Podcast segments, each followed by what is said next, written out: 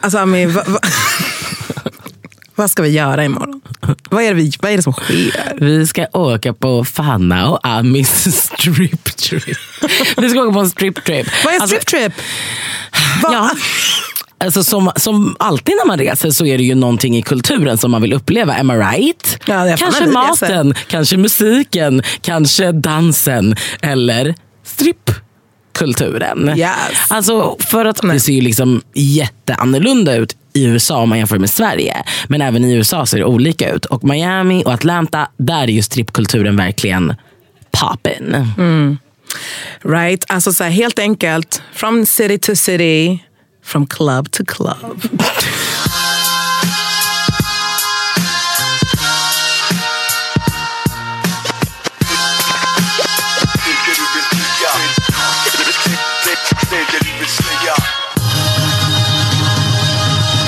Du lyssnar på Raseriet-podden med Ami. Och Fanna! Hej Fanna, hur mår du?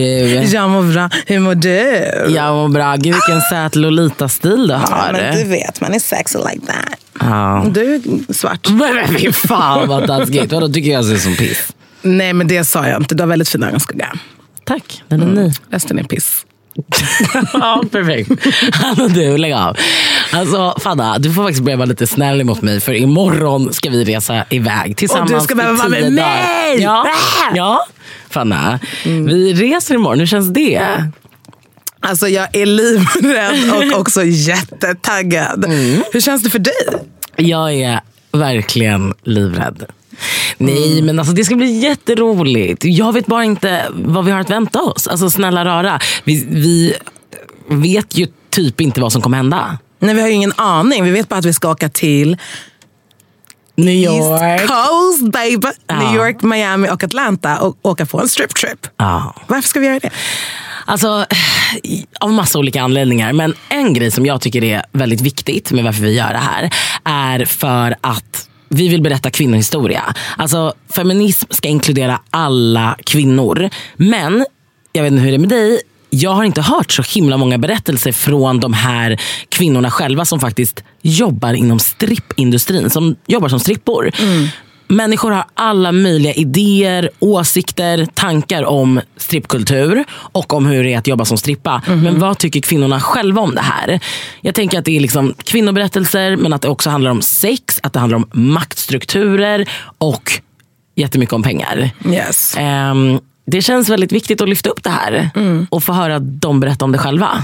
Verkligen. Sen har vi också den här äh, kopplingen till hiphop helt ärligt. Alltså det är en musikgenre som jag älskar, som jag vet att du älskar, Ah, som ja. har konsumerat hela sitt liv. Och basically These strippers are there. Alltså, de är där med sitt ass. De är där med sina dance moves i typ alla videos man har sett sedan man var 11. Ja. Alltså man har tittat liksom. Samtidigt som man inte, som du säger själv, inte har fått höra de här tjejerna prata om sin egna verklighet, sina egna mål, sina egna drömmar, sin, e- liksom, sin story. Utan man har sett deras ass bara.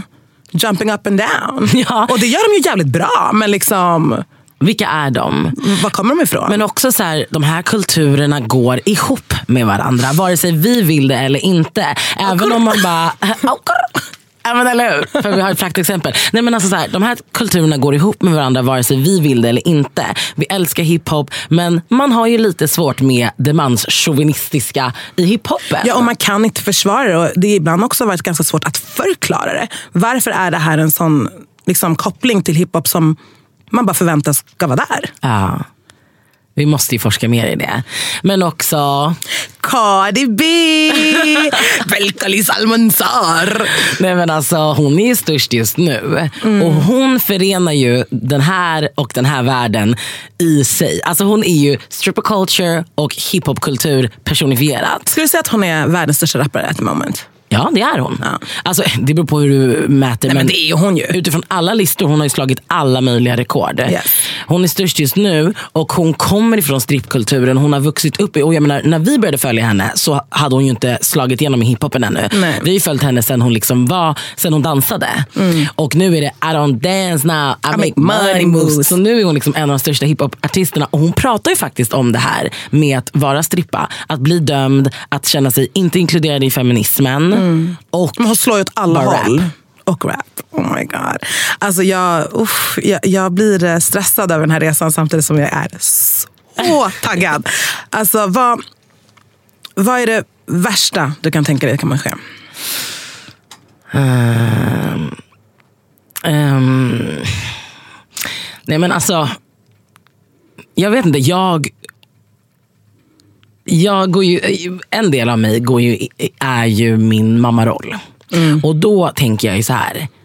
Det kan väl inte vara någon mamma som vill att ens dotter ska dansa? Right. Eller? Jag vet inte. Men jag bara tänker att jag tror inte det. Och då tänker jag så här, hur kommer det vara att träffa de här tjejerna som faktiskt jobbar med eh, det här? Eh, hur kommer det vara att se dem dansa och att också vara en del av, jag menar då är ju vi åskådarna som ska stå och titta på det här. Hur kommer det kännas att vara där? Ehm, Samtidigt som mm, tänker jag liksom vidare och bara, okej men vad är det som är så fel med det här yrket som gör då att ingen mamma skulle vilja att ens dotter dansade? Mm, liksom, vi kanske träffar kvinnor som motbevisar det, som har yrkesstolthet och som eh, gillar det de gör. I don't know.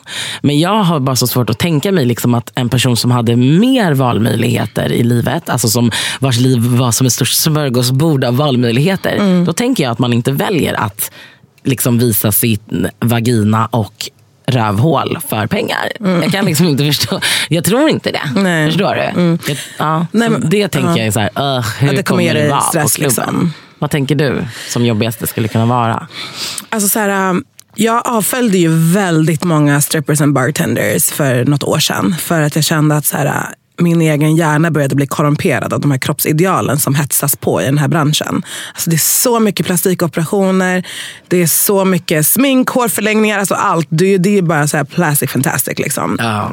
Och, Idealet ehm, där är ju riktigt twisted. Ja, exakt. Och det drar ju allting med att vara en svart kvinna till sin spets. Alltså så här, du ska ha den jättestora röven, du ska ha den minimala midjan och om du inte har det, ja, men då tjänar inte du lika mycket pengar. Så då kanske du måste betala för det här med dina pengar. Alltså du vet, alla svarta tjejer ser ju inte ut som stereotypen och som liksom, vet du det, Venus typ. Alltså så här, äh, så att så här, jag, jag undrar hur det kommer kännas i min kropp att så här, äh, träffa riktiga människor. Alltså, så här, för det är lätt att avfölja någon. Liksom, och bara, nej men det här stressar mig. Men det här är deras verklighet. Typ. Mm, 24 skärm. Och också skillnaden mellan klubban, klubbarna. Typ. Alltså, så här, Det man har börjat förstå är ju att striptease i New York är inte samma sak som i Atlanta och Miami och liksom in the southern parts of the United States. Alltså, Nej. så här, det där är en sån naturlig del av deras klubbliv och det där tror inte jag att jag riktigt har fattat. Nej men liksom att går man ut så går man till strippklubben. Firar man sin födelsedag. Men också så här, en konferens, möte. Strippklubben, strippklubben, strippklubben. Och att det är där folk så här, sitter och äter sina chicken wings. Men Alltså, hur blev det så här? Det är så märkligt. Det är jättespeciellt. Men tror du någon gång du kommer tänka så här, wow, alltså pussy rules the world? Nej, Nej. cause it don't. det gör inte det. Nej. Nej, det men, var jag. Nej det kan jag inte tycka att det är. men jag, tänker att de här tror- tjejerna kanske intalar sig det. Ja men kanske. Och som sagt, det finns, klart att det finns en myt om den glada horan och typ den glada strippan. Jag bara, och, och, och absolut, de här tjejerna får ju berätta själva. Det är klart att man kan själv också relatera till att eh, den högsta formen av bekräftelse är manlig bekräftelse. Och att vilja liksom plisa en manlig blick, det är man ju själv indoktrinerad i. Just det. Och sen kanske man är på olika platser på det här liksom ganska Spektrat. breda spektrat. Men det är klart att så här, jag tror vi kommer kunna relatera till mycket av det som tjejerna, alltså kanske inte möter i sitt jobb så, men det här med att de faktiskt är helt och hållet typ en produkt för den manliga blicken. Mm. Man själv förhåller sig till den manliga blicken hela tiden. Mm. Men i de här tjejernas värld så är det liksom on acid. Ja, och det är där vi också vill gå in och undersöka just för att det där är en diskussion som förs i Sverige just nu mell- mellan feminister. Vad som är okej och inte okej att lägga upp på sociala medier. Vad som är kontraproduktivt i, i feminismen i det stora hela och huruvida man, man själv spelar på den eh, manliga blicken och vad det, liksom, vad det säger om ens egna feministiska analys. Det där är ju ganska hetsigt just nu. I Sverige, väldigt aktuellt. Ehm, och det ska bli intressant att prata då med tje- tjejer och kvinnor som, som har gjort det här till sin business. Vad heter det? mm, har du packat inför resan? Nej, eller alltså så här, jag har lagt fram massa olika outfits. Ah, ja. Och grejen är att jag tycker det känns så himla svårt för att så här, jag, jag har ingen aning om vädret. Alltså så här, här hemma så är det september. Man känner så här, åh det börjar bli lite höst, jag kan börja klä på mig. Lite mysigt. Men så får man höra att i New York är det fucking 30 grader. Ja men Vad snälla, och? Miami kommer vara 30 plus. Ja, jag kommer svettas. Jag kommer vara helt svettig. Du då, har du packat? Ehm, ja, jag har, som vanligt så har jag varit ute i väldigt god tid. Jag har packat för två veckor sedan. Jag tog fram allting. Jag packade allt exakt dag för dag En faktiskt. strukturerad eh, necessär. Stru- Ja, den är struktur och struktur på allt jag har med mig. Så det är färdigpackat och jag har faktiskt redan skickat det, förskickat. för jag tycker det är smart. Ja, det är smart. Eh, så om man inte vill ha det så jobbigt som du kommer ha nu så är det smartare att göra det eh, förskickat också. Så det är redan förutlagt. I, Så det ligger och väntar på, har, har du skickat de olika outfitsen till de olika platserna också? Ja, Ja. det har jag. Um, vad, vad, vad har man på sig på en strippklubb? Du, det där är en väldigt bra fråga. Alltså för vi kan ju inte komma in dit jag kan inte komma in dit i liksom en svensk kulturkärringstil och bara, Som ja. du ändå har. Ja, och bara här var det stripp. Då kommer de ju bara, här var det Stripperiet? Då kommer de ju bara, vem är den här? För man vill Jävla gärna visa dem att man är lite down. Ja, men man får inte vara för mycket för det blir tömtigt. Ja, då kommer vi sånt utklädda bara, här var vi två hiphop-reporters. Man bara, Oh my god, hiphop-reporters. jag Jag förstår vad pinsamt. From Oh Sweden. Så bara, where's Switzerland? No, Sweden. It's up north. It's, it's grey. It's dark all year long. It's very much snow. Haha. Yes, yes, yes. Only white people and us. De bara, eh, så att jag vet inte. Alltså man måste ju verkligen, här är, alltså våra styling skills Fanna, kommer vara verkligen satt på prov. Mm. Men du vet att jag kommer, alltså jag tycker det här känns jobbigt för att så här, man... Jag kommer inte orka till sist, känner jag. Jag kommer inte orka. Vad menar du? Fixa mig Vad tidigare. menar du? Jag kommer vilja sova, jag kommer komma för sent, jag kommer sminka mig i bilar. Jag Planerar kommer du liksom... redan nu att du ska komma för sent? Nej, men jag känner ju mig själv. Alltså, jag har Ah. verkligen försökt jobba på det här nu i 28, 28 år. Och alltså, så här, jag fick inte en bra start. Va? Min pappa glömde mig på dagis. Min mamma har hoppat från kajer till färjor för att hon, för att hon kommer sent. Fattar du? Alltså, så här, Ah, du, hon- det är verkligen. liksom, man har sprungit sedan dag ett. Ja, jag föddes ju tre veckor sent. Ja. Jag, jag föddes faktiskt bara fyra dagar sent. Ja, man får inte ens vara tre veckor sen längre, för det var så sent. Så jävla seg var du. Ja. Mm, så att jag är lite stressad redan nu faktiskt. Ja. Av att jag kommer känna mig hetsad. Ja, men det kommer vara hets, det kommer vara hets, det kommer vara stress och press. Vi ska jobba hela natten och hela dagen. Vad har vi gett oss in på? Det kommer bli jätteroligt. Det kommer bli jättekul. Alltså så här, jag, jag, jag undrar hur trötta vi kommer bli. Vi kommer Jag bli kommer bli så så jävla trött. Vi kommer bli så trötta. Men grejen är också den att så här, när det kommer till det här med hiphopen igen så är det ju liksom också så här väldigt tydligt då, till exempel Atlanta. Så kan du förstå att vi ska åka till Atlanta? Att vi ska liksom åka till the, till the city To the of, A. alltså till the city of Outcast, till the city of Ludacris! Alltså det är så skönt. De här människorna är alltså liksom born and raised i de här städerna. Alltså då undrar man kommer ju, ju förstå. vad händer där? Man kommer ju förstå för oss som det är, eller? Alltså, vi kommer ju flippa. Jag kommer flippa, jag kommer flippa. Men det är också väldigt kul med just Outcast för de är också så här, oh, de är sånt perfekt exempel på den här eh, dubbelheten man själv känner som så här, duktig svensk PK-feminist. Men som älskar hiphopkultur. Och så kommer Outcast till Sverige, till Way Out West. Allas favoritfestival som är ett, en grän festival. och så bara, de typ headlinar och det är fullt med folk för att Outcast är liksom the shit. Men så kommer det som är helt naturligt för Big Boy och Andre 3000 liksom Bak, bakom dem på deras feta skärm är liksom en fet röv, en tjej som dansar, någon som twerkar. Och folk börjar gå ut och börja mycket. bojkotta. Och bara det här är så sexistiskt, det här är så grisigt. Hur kan Way Out West ens boka dem? Men vad trodde du att du lyssnade på för musik? Alltså, vad trodde du? Alltså, har, du inte, har du inte sett en enda video? Alltså, man är så här trött typ. Ja, och då så står man där och bara, ja det här är väldigt komplext men det här är också stripper music. Japp. Så vad händer i en själv när man bara känner den här kluvenheten? Åh nej, det är så dåligt men det är så bra. Jag vill dansa men jag tycker det är keft. Så bara, nu måste vi åka till Atlanta och känna alla de här känslorna. Det verkar ju också vara så att det som spelas på Magic City, det som tjejerna på Magic City i Atlanta dansar till, det kommer bli en hit worldwide.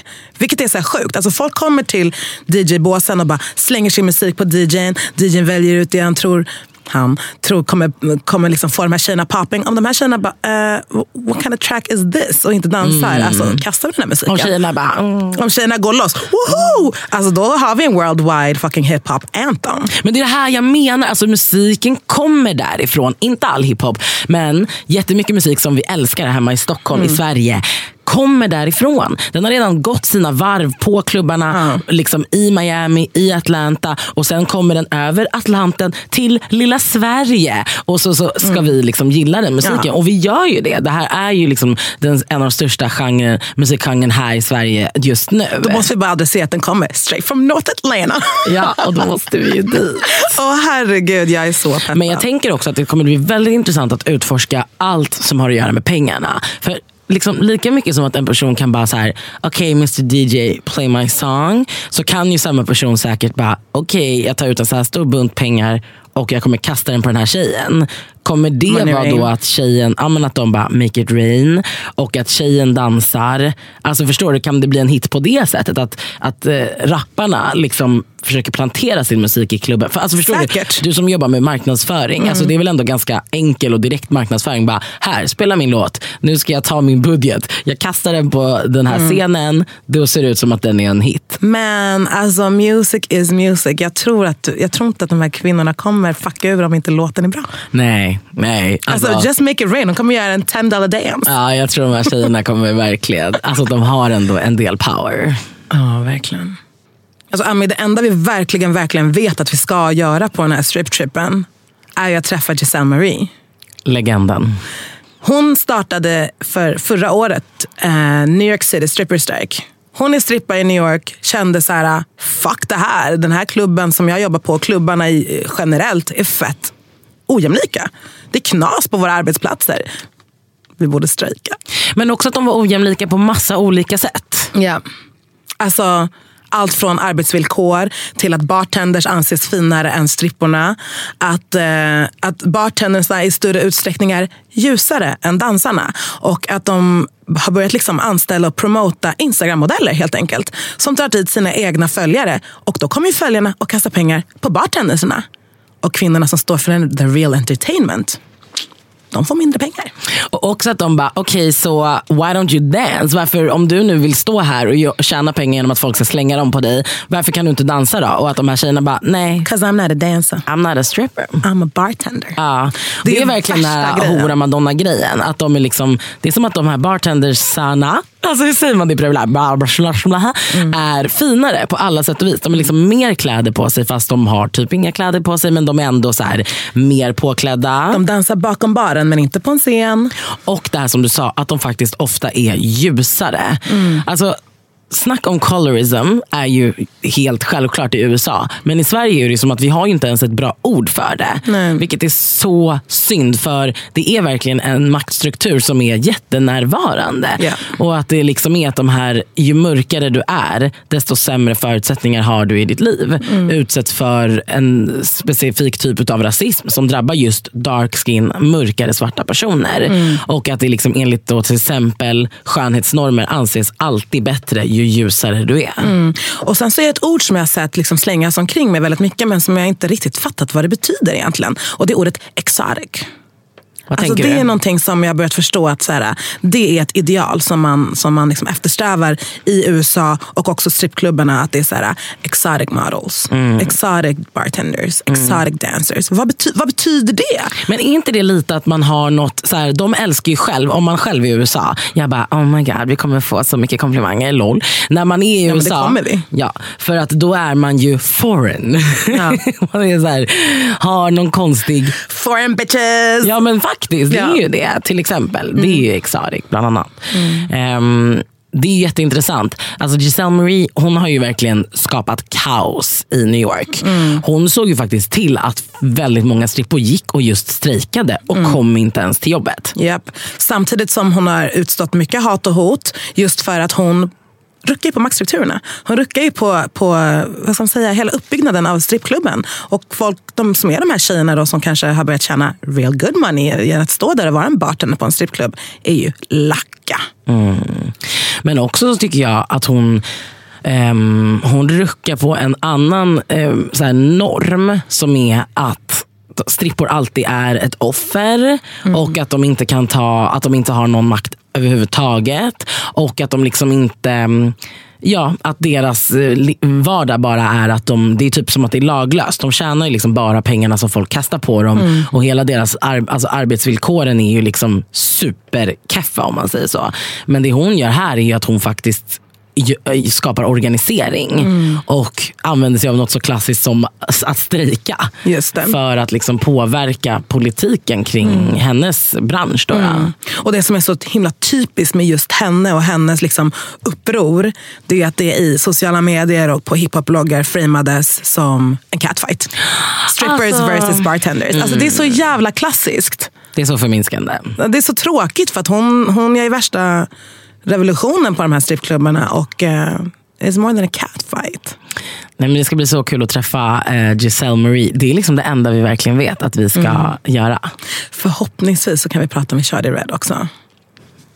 Det, alltså, jag, jag hoppas det. Det enda jag har sett på hennes sociala medier är att hon har kört genom hela USA för att droppa sin lilla syster på law school. Och att hon är fett rockig. Hon är så jävla rockig. Alltså man undrar hur hon är. Hon, liksom, hon är hennes, hennes aura är helt så galen och rockig. Hon bara går ut, presenterar sig själv, bara så här, bam! Så fort som möjligt så är det som att man bara, hur kom hon upp i taket? Hur kunde hon hoppa ner i en split? Alltså hon måste ju vara en galen människa. Ja men det är klart hon måste vara det.